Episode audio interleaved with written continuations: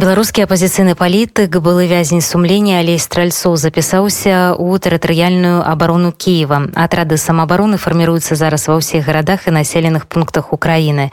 Цывільныя жыхары атрымліваюць зброі і праходзіць навучанне каб бараніць вуліцы сваіх гарадоў. У кіеве створаны атрад з беларускіх добраахвотнікаў якія штодня нясуць варту ў сталіцы.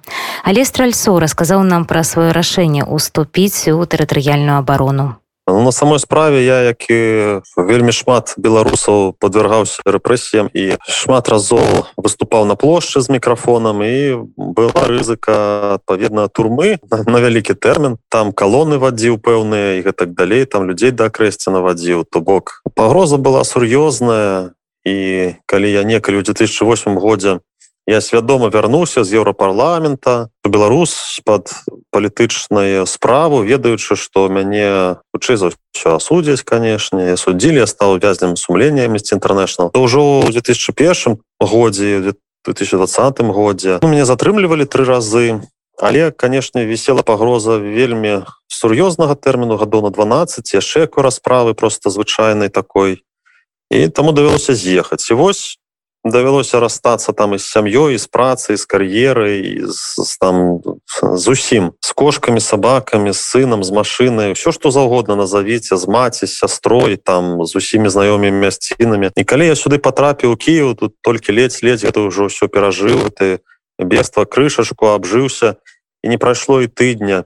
Як нейкія расійскія войскі пачалі нападаць на Кіев Э, бомбамі ракетамі дыверсантамі баевікамі і гэтак далей. Ну я уже сам сабе сказаў что я не буду выкарыстоўвацца тымі магчымасцямі як бы бегчы зноў кудысьці бегчы.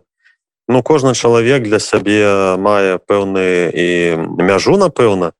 Я сказаў як это па-ангельску кажуць enough is enough да? То бок жо дастаткова і кажуць ужо но пасаран ні кроку назад тому что ну немагчыма ўсё жыццё кудысьці бегаць скажем ёсць свая мяжа таму я вырашу прынцыпова застацца ў Киеве прынцыпова пишу фейсбуку все свае думкі як я іх думаю Я думаю что одно тое что я пишу фейсбуку за гэта магчыма мяне могуць расстраляць. Нават без усякай зброю рука таму сёння я ўзяў руки зброю і думаю что і буду гэтым надалей займацца. На самой справе думаю калі акупанты прыйдуць то ўжо гэта у маім лёсе нічога не зменіць. Таму что я пишу ўсё як ёсць. Я пишу праўду. Я думаю что я упэўнены что адзіная кагабійская сутнасць гэтых захопнікаў ці лукашыскіх акупантаў яна аднолькавая яны не церпяць праўды просто звычайных праўду чалавечай думкі. Я як бізнесмен як топ-менеджер як бы маю свае думкі але просто я их не трымаю за языком я их выказываю і за гэтую праўду вось гэта кДбшная такая крамлёўская сістэма яна просто забівае. Ну але ж нарэшце я думаю что можна паставіць ім і бар'ер. Калі яшчэ ёсць у нас хвіліначка цярпення ў наших слухачоў я скажу что Мачыма Кіев нарэшце стане для гэтай фашыстка крамлёўскай такой сістэмы нейкім сталинградам не стала Малдова ў 91 годзе не сталі падзеі Грузіі хінвалі дзе развязалі вайну справакавалі ў 92 годзе. Значыць гэтаксама я для гітлера не стала аншлюз Аўстрыі не стаў свой час значыць не сталася. Чачэнская вайна хоць і прайграная але ельца неяк утрымаўся хаця он быў пабіты як бы генерал і дакавыляў неяк до конца але і гэта не сталася для гэтай сістэмы імперыялістычна нейкім сталинградам і не сталася значыць уварванне ўкраіну якое па сутнасці не атрымалася ў 14 годзе калі Путін горда абвешваў пра наваросю з 11 але нарэшце прыйшоў сталинград і я думаю что Кіев вельмі верагодна стане нарэшце для гэтай вар'яцкай зверскай сістэмы сваім сталинградам Вось вы штодзень знаходзіцесь у Киеве ад пачатку расійскага уварвання распавядзіце калі ласка як абараняецца горад я маю на увазе не толькі узброеныя сілы Украіны але ж і тер оборону дабрабаты і ввогуле як просто цывільныя жыхары дапамагаюць сваім узброеным сілам бараніць свой горад і сваю краіну тут это шмат там трэба пісаць як аматар вайсковай гісторыі там столькі пластоў там генеральныя задумкі стратэгічны ўзровень тактычны аператыўны што можа ведаць там салдат на сваім блокпосце ну пачнем неяк спрабаваць першая гэта падтрымка жыхароў это маральная падтрымка гэта нязломнасць гэта настрой не здавацца які прасяквае все грамадства. Гэта і маральная матэрыяльная падтрымка. Вось сёння даволі шмат валанцёрскай дапамогі там нейкія сокі халвы пячэння все что заўгодна там цыгареты рулоны там некай паперы. Ну прынцыпе ўсё что трэба і для жыцця як кажуць у жыцці ў баю. Было дастаўлена там і валантэрамі і людзі працягваюць это падтрымліваць. Скажем ёсць пэўная колькасць узброеных людзей. Я вельмі як скажем так ну не люблю называць канкрэтныя там лічбы всякие дадзены ну ёсць колькасць абсалютна узброеных экіпіраваных але побач і напрыклад у тры разы напэўна больш можа крыху больш сталага века таких людзей ці ў запасе але яны готовы калі трэба скруціць дыверсанту дапамагчы гэтак далей. Там бензапіламі рэзалі ну я не буду казаць тут усе як бы навіны гэта ж павінна для акупанта стацца скажем пэўнымі сюрпрызамі. Вось але тут мясцовыя жыхары ўсё рабілі што трэба рыхтавалі распільвалі змочвалі і ну як бы ўсё падрыхтавалі дзеля таго каб сустрэць магчымых акупантаў. І галоўнае гэта настрой. Галоўнае гэта маральны настрой. Вось это бадай адзінае што можна сказаць напэўна і пра жыхароў і пра ўсе гэтыя. Тактычны ўзровень там аператыўны стратэгічны гэтак далей. Настрой вырашае таму што як у 41 годзе правільна казалі гісторыкі просто пакідалі байцы вось гэтыя рускія танки і у нас па ўсёй беларусі стаялі па ўсіх дарогах сотнямі забітыя гэтыя такалены адчулі што ім просто зараз іх будуць нішчыць іх будуць прыйшла як бы воля якая мацнейшая за іх і як бы казалі што да якая там броня была ў тых танкаў т26 са старэлаці гэта быў навейшы 41 і кВ стаялі з бранёй А калі б гэта былі сучасныя расійскія танки армата ці т90 Ну дык стаялі бы там і Т90 іх гэтаксама там пакідалі ды пабеглі па кустах. Калі людзі як бы не бяруць гэтую зброю Таму што зброя гэта ж як бы не зброя ваюе. Ваюе чалавек ваюе сістэма з зброі і першае гэта чалавек які карыстаецца які ўжывае гэтую зброю. Ці гэтая сістэма павінна працаваць? Калі гэтай сістэмы няма калі чалавек не разумее навошта яго закінулі ў нейкі лес навошта ён за залатых нейкіх унітазаў павінны тут заебаць і гэтак далей то ну якая розніца яго можа быць лазерная вінтоўка ў руках. Ён яе кіне і пойдзе дзе-небудзь там хавацца зробіць касцёры будзе там скажа рацыя паламалася і гэтак далей таму наадварот і з беданкай якой-небудзь там 1800 там 90 года. На сённяшні дзень тут вось у баях чалавек можа палажыць 25 акупантаў калі ў яго глаз нормально нацелены як бы без праблем калі у яго просто ёсць жаданне. Таму галоўнае гэта дух баявы баявы дух і дух грамадства і войску. Гэта не парыўныя рэчы гэта зараз едныя рэчы дух войска дух грамадства яны на найвышэйшым узроўні. І ніякія гэта расійскія бомбы нас увогуле тут не палохаюць. Я не хацеў сказаць что я невогуле не разу не быў тут ні ў якім гэтым шэлтары ні разу за ўсе ты бомбардзіроўкі я асабіста не спускаўся. Я хочу перадаць что закалябецесь яны вы нас тут выбомбліваць вашими бомбами і ракетами. Калі нехта спадзяецца что сваімі бомбами яны прымусяць вольных узброеных людзей на нешта да просто не атрымаецца за мучаецеся вы нас выбомбліваць адсюль гэта я хацеў бы перадаць не нашим слухачам а ну вы самі разумееце кому Вось што датычыцца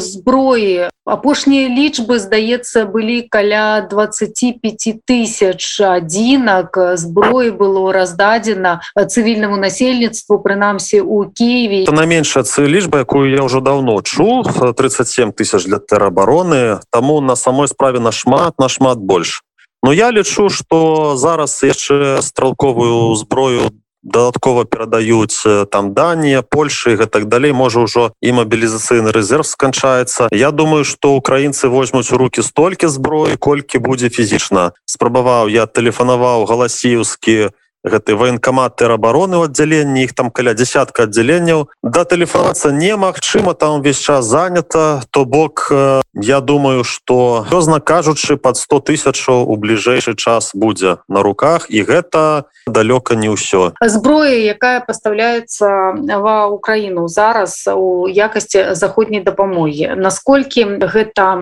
насамрэч уплывовая дапамога і ці дастаткова яна з улікам того что ўсё ж таки зброю ў руках трымае чалавек вось хуткім часам прыедзе ва ўкраіну яшчэ французскі легіён ну такія былі звесткі ну ведаеце пачнем са зброі. Я думаю нават без французскага легіёну калі мы бярэм просто сам узровень чыста вось фізічных металёвых рэчаў да перадачу то я просто звяртаю увагу беларускага найвышэйшага кіраўніцтва.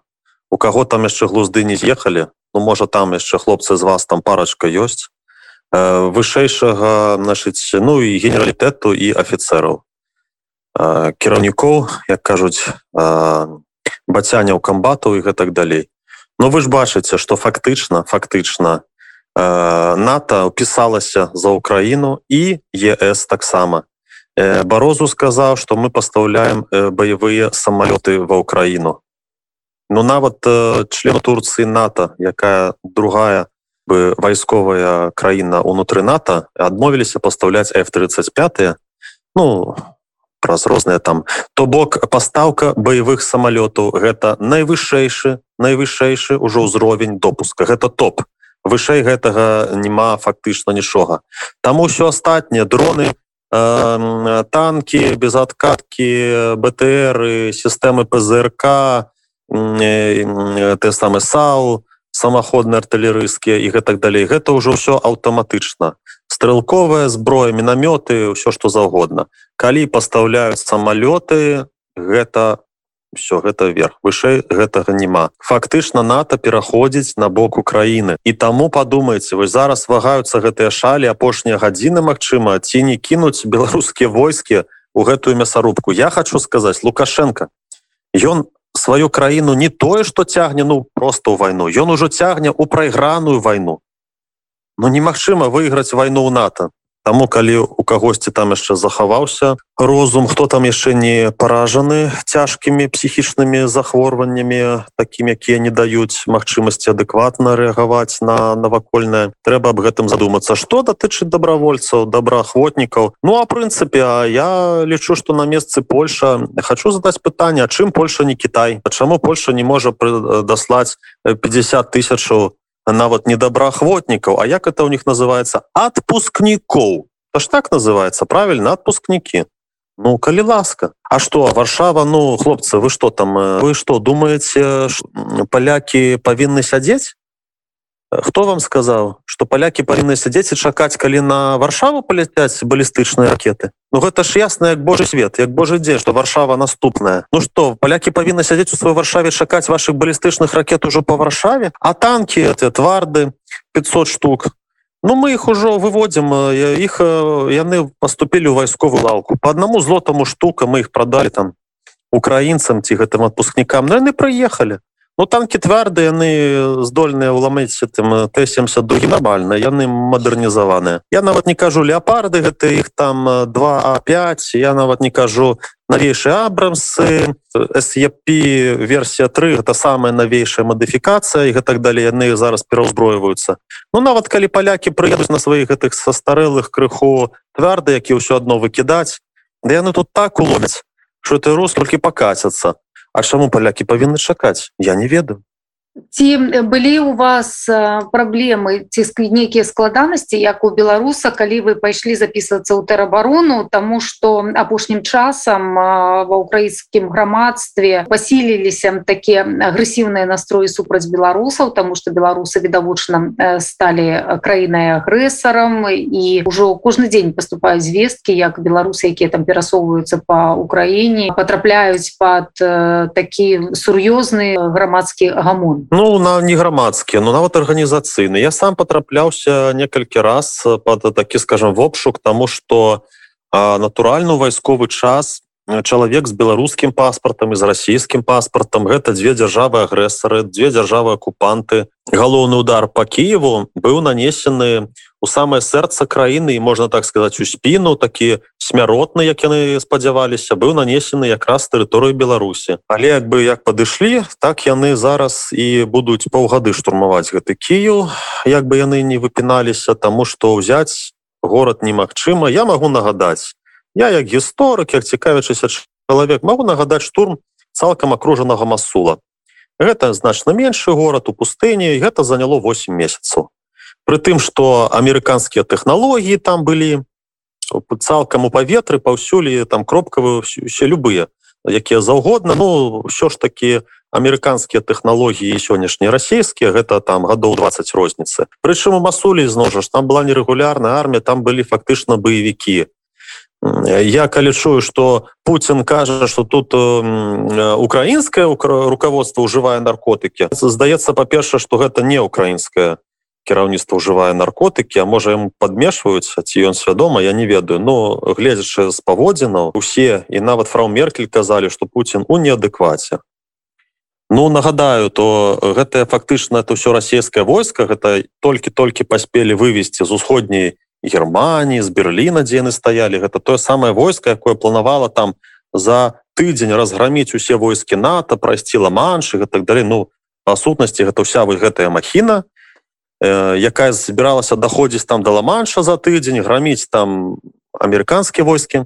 Яна брынулася на маленькую чашню і маленькая чашня ў 94 96 годзе іх пабіла Ну і па сутнасці другая чачанская вайна яны там тузаліся тузаліся. Па сутнасці яны просто у Росіі пайшлі вялізная плынь грошай нафтавых і ну вторую чачанскую вайну яны просто купілі можна сказаць яны і таксама там дзесьці прайгралі ну не прайгралі але яны ўжо просто чачанцу подкупілі і плацяць ім ну там ці не даніну но нешта такое як гісторык я магу ісці аж да чукчаў ведаеце чаму анекдоты пра чукчаў ідуць у рускіх. Мало хто ведае.